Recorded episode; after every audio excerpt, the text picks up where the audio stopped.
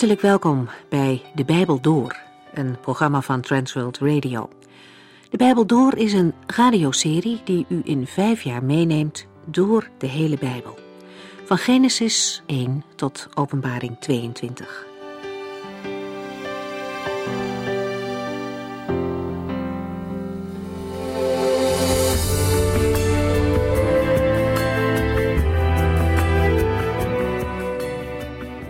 Ook vandaag lezen we verder uit het Bijbelboek Openbaring, waarin de Heere God ons vertelt wat er nog gaat gebeuren op aarde.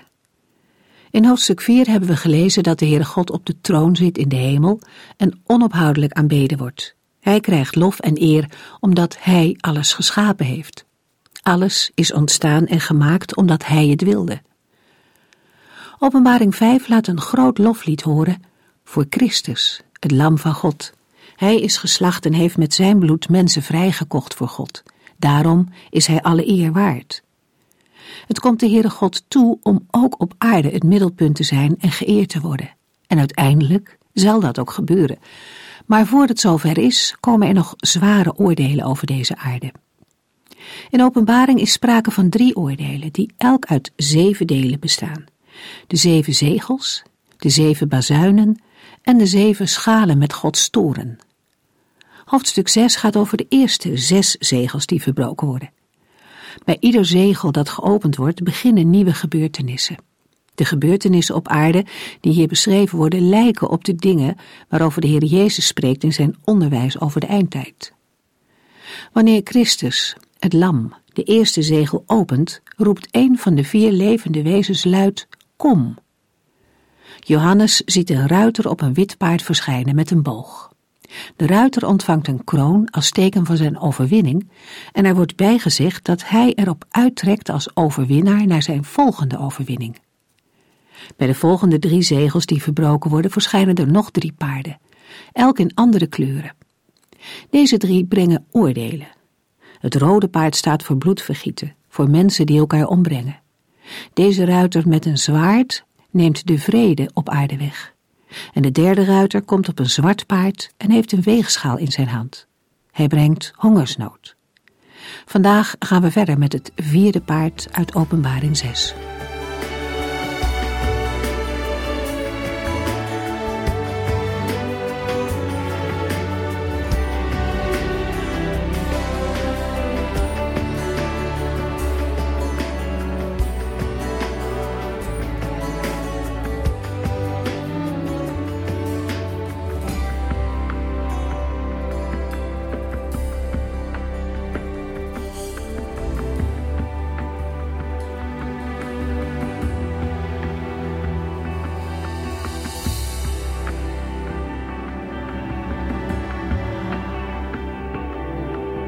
In de vorige uitzending zijn we gekomen tot en met Openbaring 6, vers 7, waar we lazen: Toen hij het vierde zegel verbrak, hoorde ik het vierde wezen zeggen: Kom! Met een kleine variatie, namelijk de vermelding van de stem, herhaalt zich opnieuw wat in de versen 1, 3 en 5 gebeurde. Het lam, Christus, alleen aangeduid met hij, wordt ook hier niet uitdrukkelijk genoemd. Het lam opent in vers 7 het vierde zegel, met als gevolg dat het vierde levende wezen de vierde ruiter naar voren roept. En ook deze ruiter begint aan een tocht over de aarde. Openbaring 6, vers 8. Toen kwam er een paard met een grauwe kleur. De dood zat op zijn rug en het dodenrijk volgde hem op de voet. Die twee kregen macht om een kwart van alle mensen te doden door het zwaard, de honger, de pest en de wilde dieren. De kleur van het vierde paard is voor een paard vreemd. In een andere Bijbelvertaling lezen we aan het begin van vers 8: En ik zag en zie een paard, en die daarop zat, zijn naam was de dood, en het dodenrijk volgde achter hem. Het Griekse woord dat met een grauwe kleur of met vaal vertaald is, betekent 1 lichtgroen en 2 bleekgroen, geelgroen of vaal. Vandaar de opmerking dat de kleur van het vierde paard voor een paard vreemd is. Een bleekgroen of grijsgroen paard, dat wil zeggen lijkkleurig, is voor een paard ongebruikelijk. Het paard typeert dan ook de dood. De ruiter op het vierde paard brengt het tot dusverre zwaarste oordeel. Hij draagt geen attribuut, zoals de eerste drie hadden: een boog, een zwaard of een balansweegschaal. Maar in tegenstelling tot de eerste drie heeft deze ruiter wel een huiveringwekkende naam. Hij heet de dood, of zoals wij in het boek lezen, de dood zat op zijn rug. Verder wordt vermeld dat hij niet alleen is, want de Hades, de onderwereld of het dodenrijk, volgt hem. Zowel de dood als het dodenrijk worden hier als personen beschreven. Dat het dodenrijk de dood volgt, niet op een ander paard, maar blijkbaar lopend, betekent waarschijnlijk dat de ruiter, de dood, de doden verzamelt die vallen door zijn optreden. Het dodenrijk, de Hades, is namelijk de verblijfplaats van de doden. De beide termen dood en dodenrijk komen in het Bijbelboek Openbaring steeds samen voor. Uit het feit dat het lam, Jezus Christus zelf, het zegel opent, en uit de verzekering in Openbaring 1 vers 18 dat Christus macht heeft over de dood en het dodenrijk, blijkt dat deze twee machten alleen onder controle van de Heere God en van Jezus Christus kunnen optreden. Het vernietigende optreden van de dood en het dodenrijk wordt beperkt tot een kwart van de aarde. Deze inperking maakt weer duidelijk dat we te maken hebben met oordelen die plaatsvinden voor de wederkomst van Christus.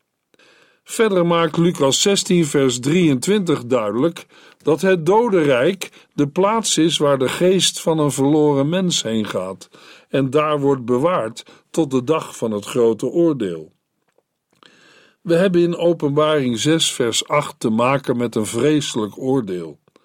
Want de hier beschreven dood zal een kwart van alle mensen treffen. Aansluitend bij het Oude Testament worden er vier doodsoorzaken genoemd: zwaard, honger, de pest en wilde dieren. De dood en het dodenrijk zaaien dood en verderf. De genoemde honger in vers 8 is erger dan die in vers 6. Daar was nog olie en wijn.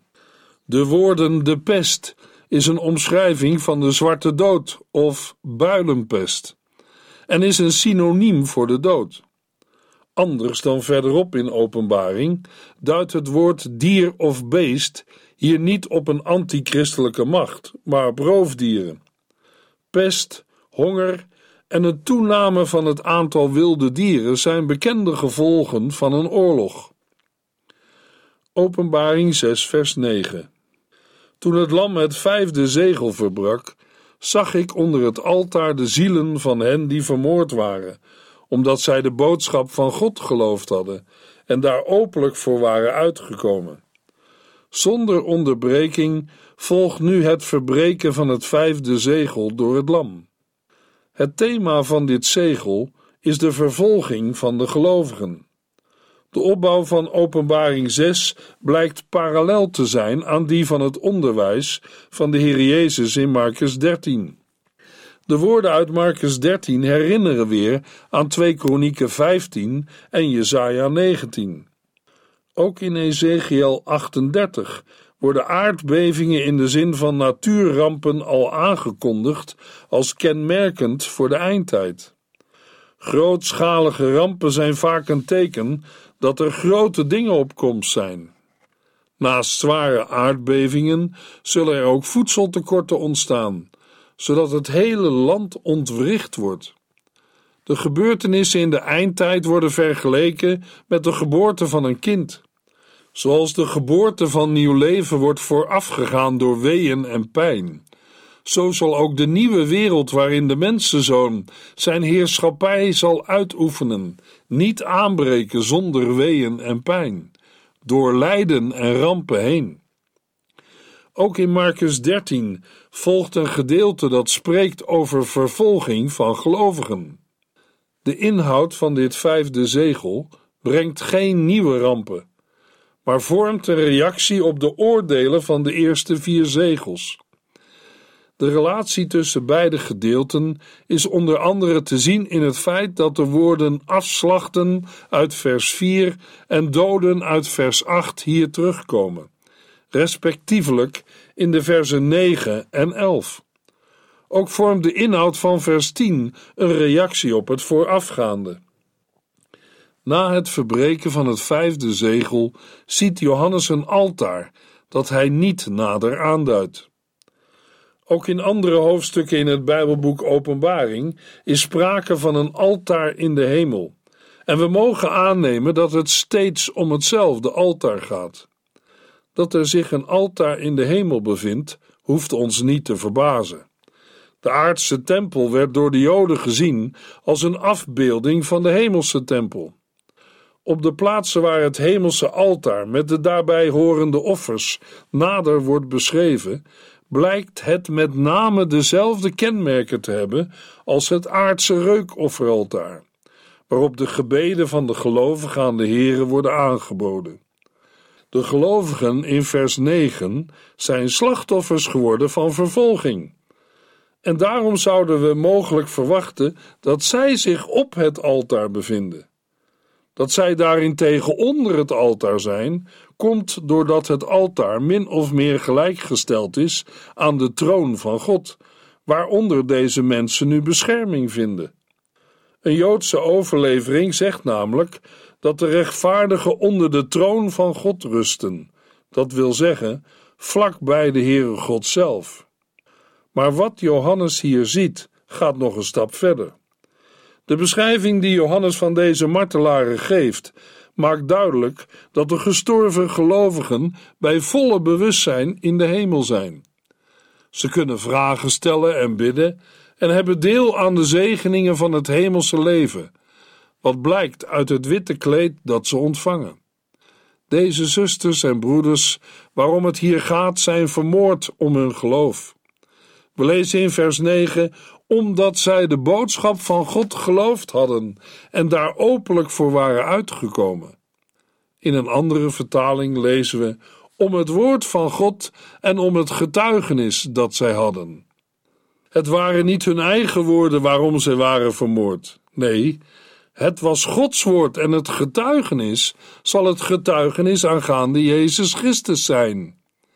Johannes was bekend met het martelaarschap door de vervolging onder Nero en de dood van Antipas. Dat de gelovigen worden aangeduid met het woord zielen is niet vreemd, omdat de ziel de innerlijke mens is, die blijkbaar bij de lichamelijke dood niet sterft.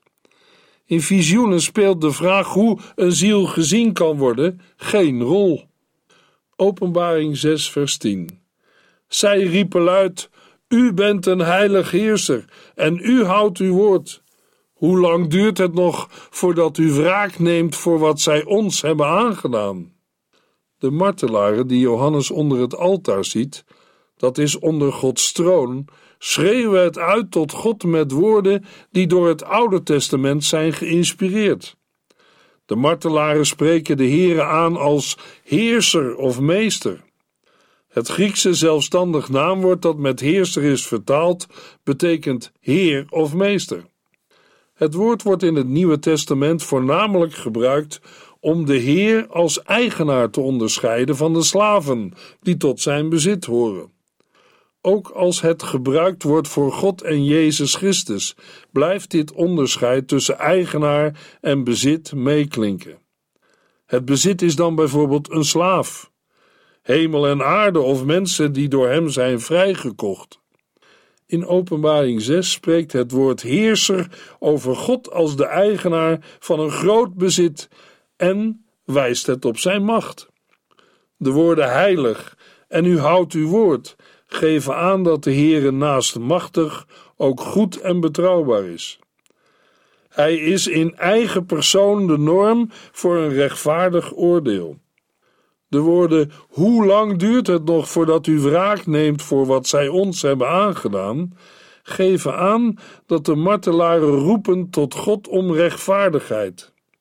De vraag die zij stellen herinnert aan de woorden van de Heer Jezus Christus in Lucas 18, vers 6 en 7, waar we lezen: Als die onrechtvaardige rechter zoiets kan zeggen, zal God zeker recht doen aan zijn kinderen, die hem er dag en nacht om smeken.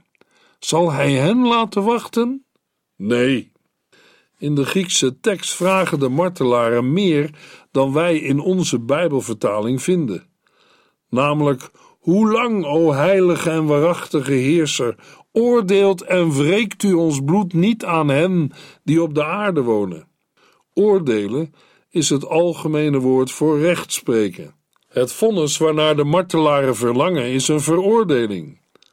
Deze veroordeling wordt uitgedrukt door wat volgt, namelijk het woordje en, dat hier en wel betekent, gevolgd door het woord wreekt. Het vonnis zou moeten inhouden dat de Heer het bloed van de martelaren terugeist van de bewoners van de aarde. In dit terugeisen klinkt ook de gedachte aan recht verschaffen mee. Ondanks de rampen die al op aarde hebben plaatsgevonden, menen de gelovigen dat de Heere het werkelijke, het laatste oordeel uitstelt. En in vers 11 wordt inderdaad bevestigd dat deze mening juist is. De om hun geloof omgebrachte gelovigen vragen daarom hoe lang ze nog moeten wachten tot Gods rechtvaardigheid op aarde zal worden geopenbaard. Als gelovigen weten zij dat vergelding een zaak van God is en niet van mensen. Daarbij moeten wij vooral bedenken dat niet alleen deze gelovigen onrecht hebben geleden, maar zeker ook de Heere God zelf. Hij is beledigd door het feit dat zijn kinderen zijn gedood. De woorden in de Griekse tekst aan hen die op de aarde wonen is in het Bijbelboek Openbaring een aanduiding voor de ongelovige mensheid. De woorden zijn vergelijkbaar met de manier waarop in het Evangelie naar Johannes het begrip wereld vaak wordt gebruikt. Het gaat in Openbaring 6, vers 10 om mensen die gelovigen gedood hebben en daarvoor op Gods tijd verantwoording moeten afleggen. Openbaring 6, vers 11. Zij kregen allemaal een wit kleed en hun werd gezegd dat zij nog even moesten wachten. Eerst zou het aantal mededienaren en broeders en zusters dat ter wille van Christus gedood zou worden, voltallig moeten zijn.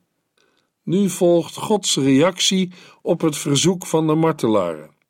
Eerst door een daad en dan door een woord. De Heere God zelf is namelijk de ongenoemde handelende persoon. Hij geeft de martelaren witte kleren en zegt hun dat zij voorlopig nog even moeten wachten. Witte kleren kunnen diverse betekenissen hebben die elkaar aanvullen en versterken. Ze symboliseren in Openbaring 6, vers 11 in de eerste plaats de vrijspraak van de martelaren door de Heere God. Het staat tegenover het feit dat de wereld hen had veroordeeld. Verder typeren de witte kleren ook de reinheid van de martelaren, die het resultaat is van hun volharding tijdens beproevingen. Daarnaast zijn ze ook een voorteken van de definitieve heerlijkheid die de martelaren na een korte tijd zullen ontvangen. Immers, zij moesten nog even wachten. Hun tegenwoordige hemelse heerlijkheid is dan ook nog niet de uiteindelijke volmaaktheid. Het volmaakte kompas bij de opstanding van het lichaam en de komst van de nieuwe aarde. Het wachten van de martelaren is geen passief wachten. Het heeft het aspect van het geduldig uitzien naar het komende heil. De Heere troost de martelaren door te zeggen dat het lijden op aarde nog maar een korte tijd zal duren. De term korte tijd is synoniem met nog even wachten. Daarin zien we hoe Gods tijdsbegrip verschilt van het onze. Weliswaar wordt de uitvoering van wat hier wordt voorzegd al beschreven in het gedeelte dat volgt in Openbaring 6, vers 12 tot en met 17. Maar voor het besef van de gelovigen van alle tijden blijft de grote dag van de Here toch lang uit. Voor de tussentijd heeft de Heere God een grens gesteld aan het aantal gelovigen dat zal lijden. Dat aantal zal op Gods moment voltallig zijn. Dan is de maat vol. De toekomstige martelaren worden hun mededienaren en broeders en zusters genoemd. Bij de woorden mededienaren en broeders en zusters gaat het niet om twee groepen gelovigen, maar om één. Openbaring 6, vers 12 en 13. Toen hij het zesde zegel verbrak, zag ik dat er een zware aardbeving kwam. De zon werd zwart als een rouwkleed en de maan rood als bloed. De sterren vielen van de hemel op de aarde, als onrijpe vijgen die in een storm van de boom waaien. De gebeurtenissen die plaatsvinden na het openen van het zesde zegel, in de versen 12 tot en met 17, vormen een antwoord op het gebed van de martelaren in de versen 9 tot en met 11. Want de genoemde versen handelen over het oordeel aan hen die op de aarde wonen. Degene die het zegel opent is opnieuw het lam. Johannes gebruikt in deze pericoop louter beelden uit het Oude Testament, met name van de profeten Jesaja en Joël. Dit gedeelte valt uiteen in de weergave van het oordeel dat losbreekt in de versen 12 tot en met 14 en de reactie van de getroffen mensen in de versen 15 tot en met 17. Openbaring 6, vers 12 tot en met 14 loopt parallel met Marcus 13, vers 24 en 25. Daarom kan de inhoud van dit zegel al bekend zijn geweest bij de eerste lezers van het Bijbelboek Openbaring. Er wordt gesproken van allerlei natuurrampen. Naast een grote aardbeving veranderen de zon en de maan van uiterlijk. Deze natuurverschijnselen benadrukken het overweldigende karakter van Gods oordeel. Een aardbeving is een veel voorkomend thema in de beschrijvingen van de oordelen in de eindtijd. En datzelfde geldt voor veranderingen aan de zon en de maan. Net als in de volgende versen zullen we hier aan wereldschokkende atmosferische verschijnselen moeten denken. Dat de zon zwart wordt, duidt op een zonsverduistering, waardoor het donker wordt op aarde. Ten slotte vindt er een dreigende maansverduistering plaats. De aanduiding bloed in de Griekse tekst staat voor bloedrood, de dreigende kleur die de maan krijgt ten tijde van een verduistering. De verstoring van de orde in het heelal, waarover in vers 12 werd verteld, gaat in vers 13 verder. Dit vers is gebaseerd op Jesaja 34 vers 4b en vers 14 op Jesaja 34 vers 4a. Er vallen zoveel sterren op de aarde dat het doet denken aan het afvallen van wintervijgen of onrijpe vijgen. Bij sterren kunnen we denken aan kometen of meteoren. Het vallen van grote aantallen van deze hemellichamen is niet zozeer direct dodelijk, maar wel enorm angstwekkend. En het is een teken dat het einde van de schepping in haar huidige gedaante dichterbij komt. De stabiliteit van het heelal is volkomen verstoord. Het feit dat de sterren van de hemel vallen en op de aarde terechtkomen, wordt vergeleken met een vijgenboom die door een harde wind zijn late vijgen laat vallen. Deze vijgen zijn in het najaar niet meer rijp en blijven gedurende de winter aan de boom hangen, tenzij ze er door een storm afgeschud worden. Openbaring 6, vers 14. De hemel verdween als een stuk papier dat opgerold wordt, en alle bergen en eilanden werden van hun plaats gerukt. Net als bij vers 13 is de verwoording van vers 14 bepaald door Jesaja 34 vers 4. De beschrijving van beangstigende verschijnselen in de natuur gaat verder. Het uitspansel verdwijnt op een vergelijkbare manier als waarop men een boekrol oprolt. De achterliggende gedachte lijkt te zijn dat door het verdwijnen van het uitspansel er niets meer is tussen de Heere God en de aarde.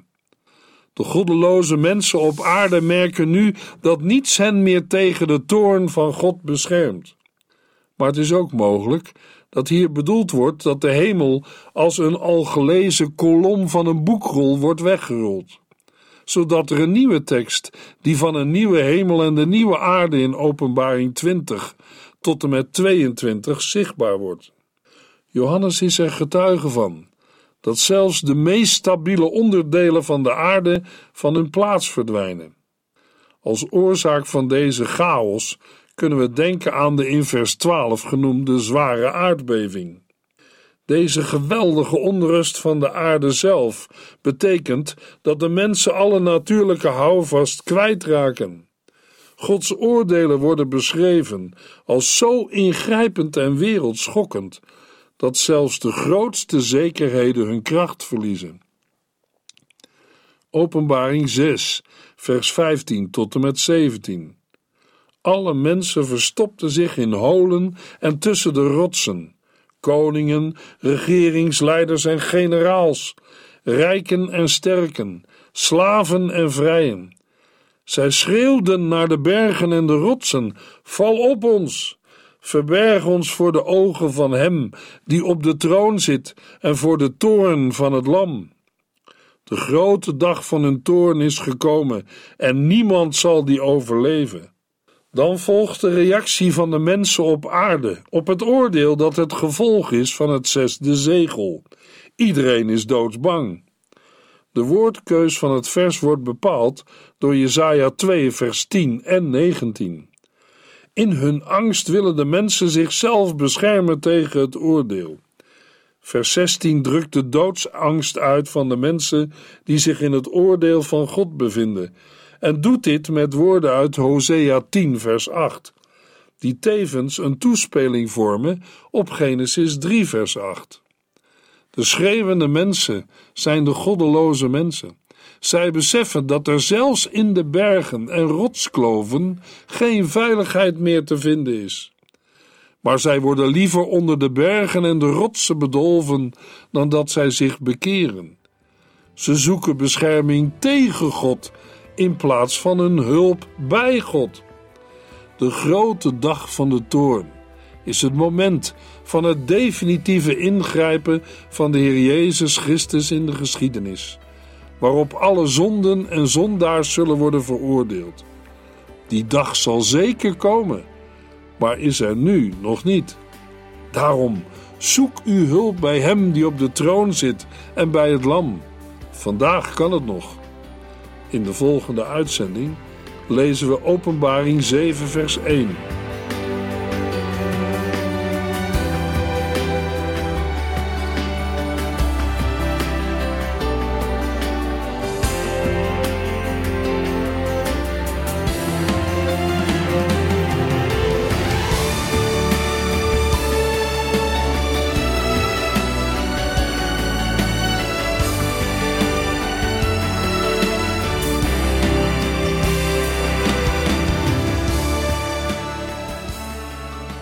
Sinds kort kunt u een USB-stick bestellen met alle uitzendingen en de teksten van de Bijbel door. Ons adres volgt in de afkondiging. U heeft geluisterd naar De Bijbel Door. In het Nederlands vertaald en bewerkt door Transworld Radio. Een programma waarin we in vijf jaar tijd de hele Bijbel doorgaan. Als u wilt reageren op deze uitzending of u heeft vragen, dan kunt u contact met ons opnemen. Tijdens kantooruren kunt u bellen op 0342 47 8432. 0342 47 8432. Ook kunt u een e-mail sturen naar de Bijbel door at transworldradio.nl en natuurlijk kunt u ook via de post ons bereiken. TWR, postbus 371, postcode 3770, AJ in Barneveld. Dit programma werd gepresenteerd door Corweda en Ike André. Techniek was in handen van Odin van Woerdenkom. En namens ons allemaal bedanken we u van harte voor het luisteren.